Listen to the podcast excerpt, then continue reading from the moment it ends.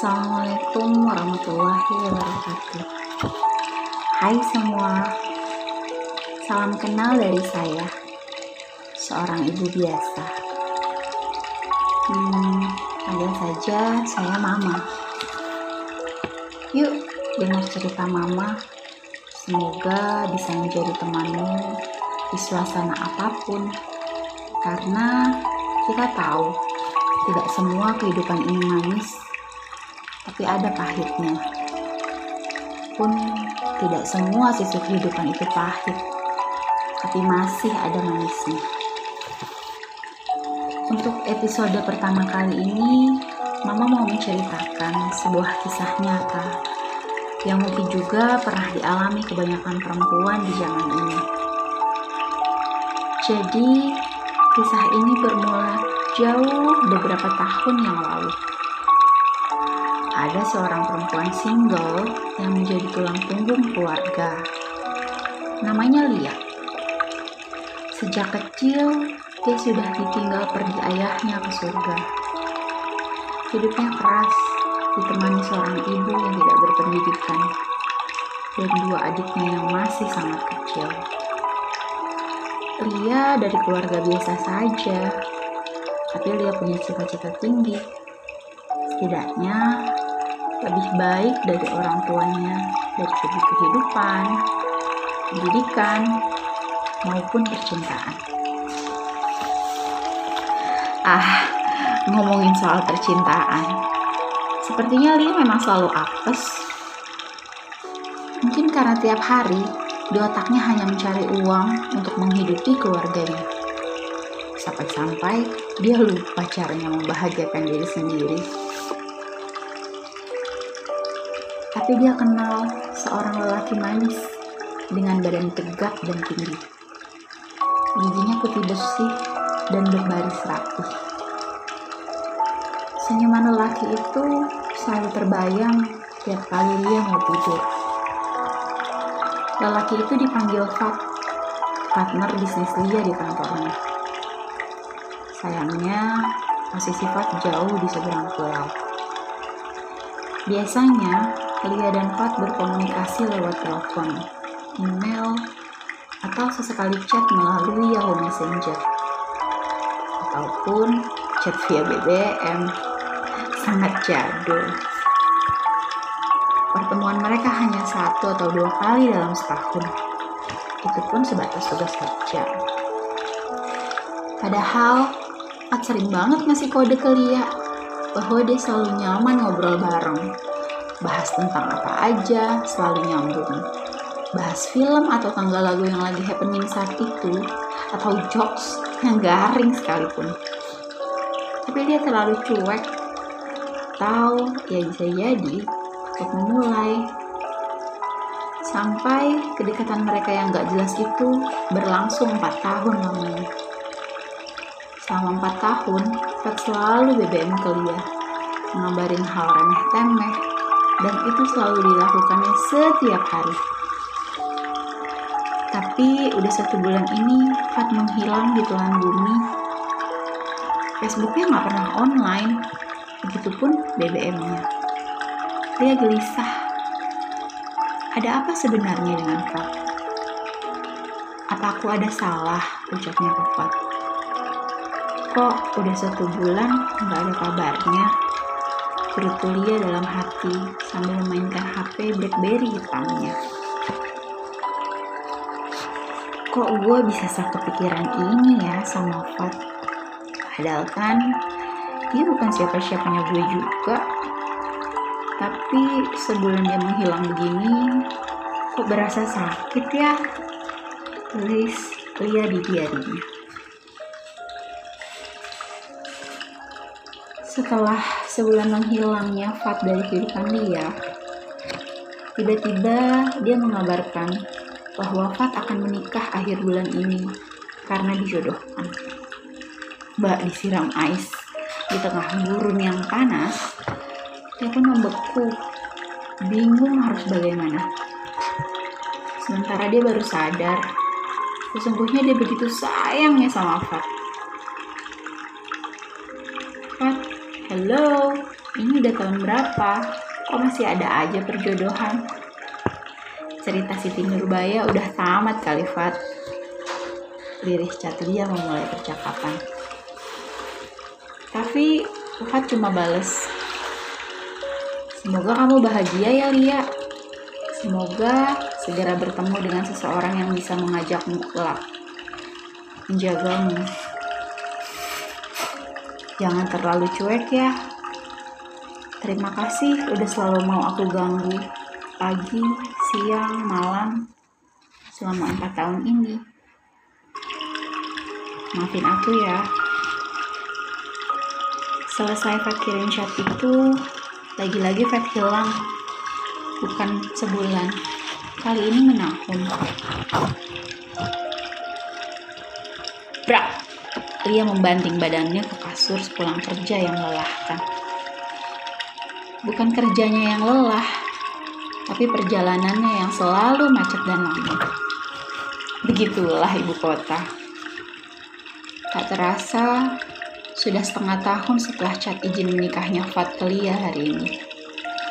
Sampai hari ini pun, Lia masih mengutuki dirinya. Merasa bodoh, karena terlalu cuek sampai-sampai dia ditinggal nikah sama Fat. Dia sudah tidak punya keberanian untuk chat atau telepon Fat lagi seperti dulu. Walaupun tiap saat dia selalu stalking semua sosmednya Fat. Mbak, kamu gak makan dulu? Sapa bunda membuyarkan lamunan Lia kala itu. Ya bun, sebentar mau mandi dan sholat dulu baru makan. Ternyata bunda hari ini masak opor ayam menu kesukaan Lia. Walau hatinya kering karena kesepian, tapi perut nggak boleh kosong, harus diisi. Lia makan dengan lahap sampai tiba-tiba bunda ngasih undangan. Nih mbak, ada undangan lagi. Kapan sih bunda yang ngasih undangan? Masa undangan mulu? Emang kamu nggak mau nikah apa gimana sih? Umur udah 31, Tuh, lihat adik kamu udah mau dilamar sama cowoknya. Kamu masa rela dilangkah? Bunda gak mau. Kamu emang gak punya pacar? Apa mau dicariin? Dijodohin aja ya? Bunda nyerocos kayak petasan besan Betawi yang gak berjeda. Huh, rasanya mau nangis. Tapi gengsi lah ya. Malu, tapi kesel. Resah, tapi mau gimana lagi? Dia cuma bisa menggerutu dalam hati. Kejadian seperti ini seperti suasana malam ini tuh udah ribuan kali terjadi. Tapi endingnya dia cuma bisa ngasih jawaban cemiran lebar ke bunda. Dan ya pastinya si bunda makin jengkel dia punya partner bisnis jualan sepatu dan tas dari Lombok tapi cukup dekat dengan owner brand sepatu etnik di sana. Sebagai tambahan penghasilan yang cukup besar buat Lia. Suatu hari, Mbak Fatmah partner bisnis Lia telepon. Assalamualaikum, hai Lia, apa kabar? BTW kamu sekarang sama siapa? Udah ada cowok belum? Ini ada temanku lagi cari istri, tapi dia duda anak satu. Tapi anaknya sama ibunya sekarang. Gimana, mau kenalan nggak? namanya Joni.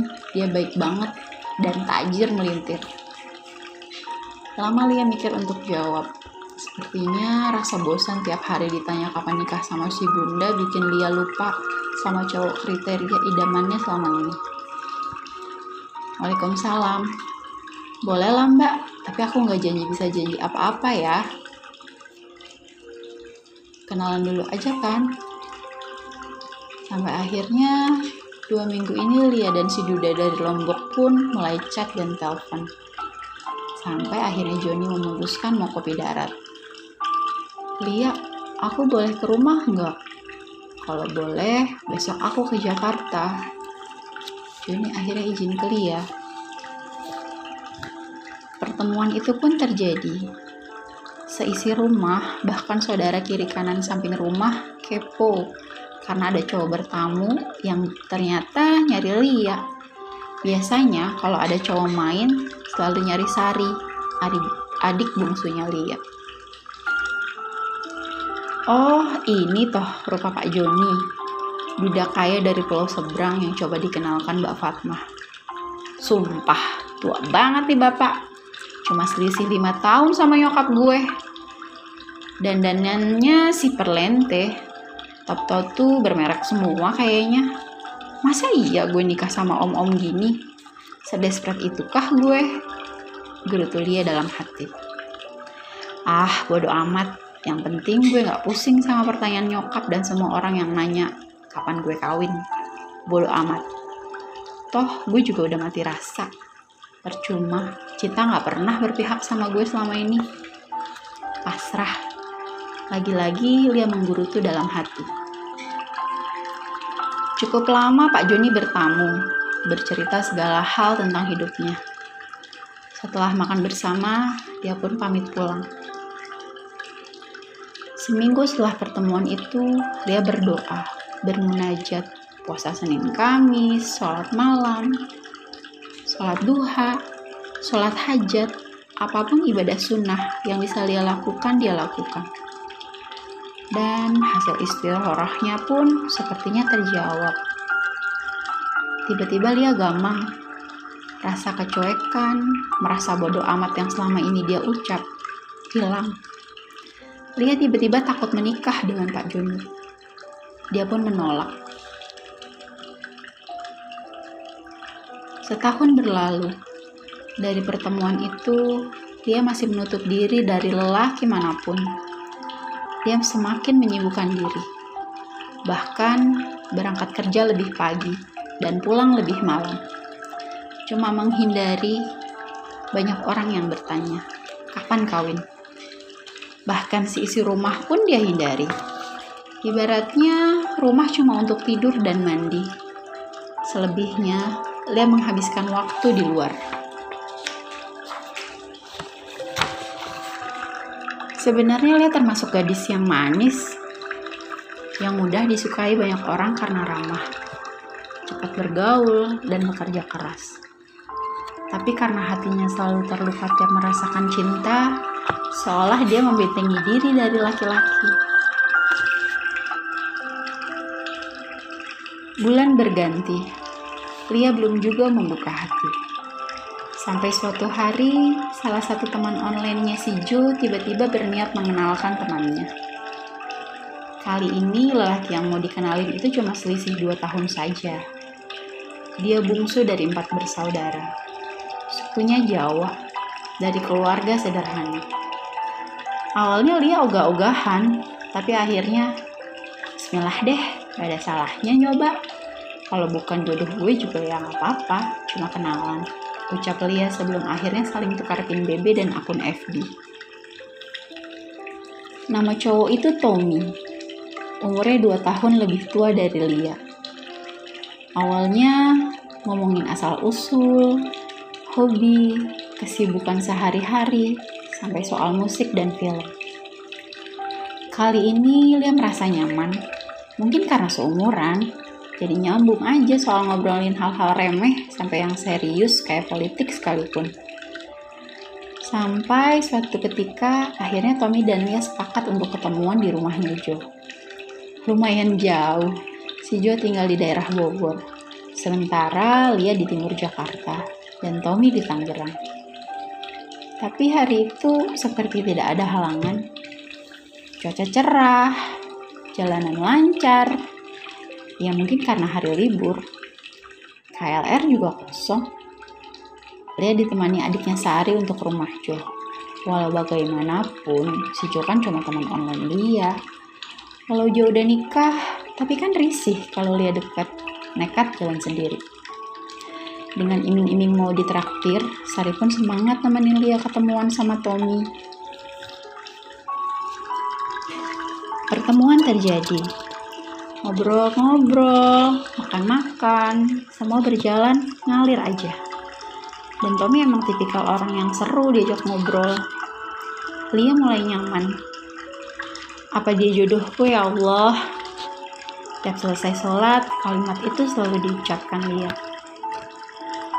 Kali ini gue gak mau terlalu berharap, Ntar kalau zong lagi, gak siap ah sakit hatinya. Capek gue begini mulu. Dia curhat sama kedua sahabatnya, Nur dan Sri. Keduanya selalu kompak ngedukung Lia supaya maju terus, jangan kasih kendor. Sampai akhirnya Tommy datang ke rumah Lia izin ketemu bunda.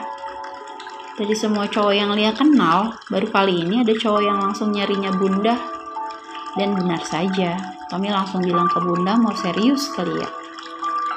Udah usia, jadi gak mau pacaran lagi. Kalau diizinkan, mau ajak Lia ke kampung, kenalin sama keluarga, sekalian nengokin bapak yang sakit stroke. Lalu berangkatlah Lia ke kampungnya Tommy sama kakak iparnya Tommy yang di Bekasi dan juga keponakannya. Singkat cerita, mereka sampai di kampung halaman Tommy di bilangan Jawa Tengah. Lokasinya di pegunungan, treknya naik turuk, nanjak, jadi lumayan bikin kepala pusing. Di sana, Lia disambut baik oleh keluarga Tommy, dikenalkan sama semua orang sekampung. Si Tommy ini lumayan terkenal juga di kampungnya dia disambut baik oleh orang tua Tommy. Kebetulan keduanya sakit dan bapaknya stroke, jadi susah komunikasi. Tapi tetap senyum saat Lia menyapanya. Dan di kampungnya, Tommy setiap orang yang lewat pasti nanya. Dan itu saja, langsung menuju ke Lia. Sebenarnya Lia agak risih karena semua orang yang nanya selalu melihatnya dari kepala sampai kaki seolah menilai semua hal di diri Lia. Tapi ya udahlah ya, emang dasar Lia cuek dan bodoh amatan, jadinya ya baikan saja. Sekembalinya Lia dari kampung Tommy, tiba-tiba kabar buruk datang. Bapaknya meninggal dunia. Lalu Tommy kembali pulang kampung. Kali ini sendiri, Lia nggak ikut. Ada hukum yang tidak tertulis di suku Jawa kalau ada keluarga yang meninggal, maka niatan menikah harus dilaksanakan beda tahun. Dan rencana Tommy menikahi Lia pun tertunda satu tahun. Sempat terbesit dalam hati Lia. Apakah ini pertanda dibuang jodohku ya Tuhan? Padahal calon sudah di depan mata. Tapi kenapa ada saja rintangannya? Apa benar yang dibilang orang jodohku dihalangi karena aku dulu pernah nolak cowok? Ah, tahayul. Dia memaki dalam dirinya. Setahun pun berlalu. Setelah kepergian bapaknya Tommy, ternyata memang kalau jodoh itu segala sesuatunya dimudahkan. Tommy datang bersama rombongan keluarganya dari kampung untuk melamar dia. Kegundahan hati Lia pun terbantahkan.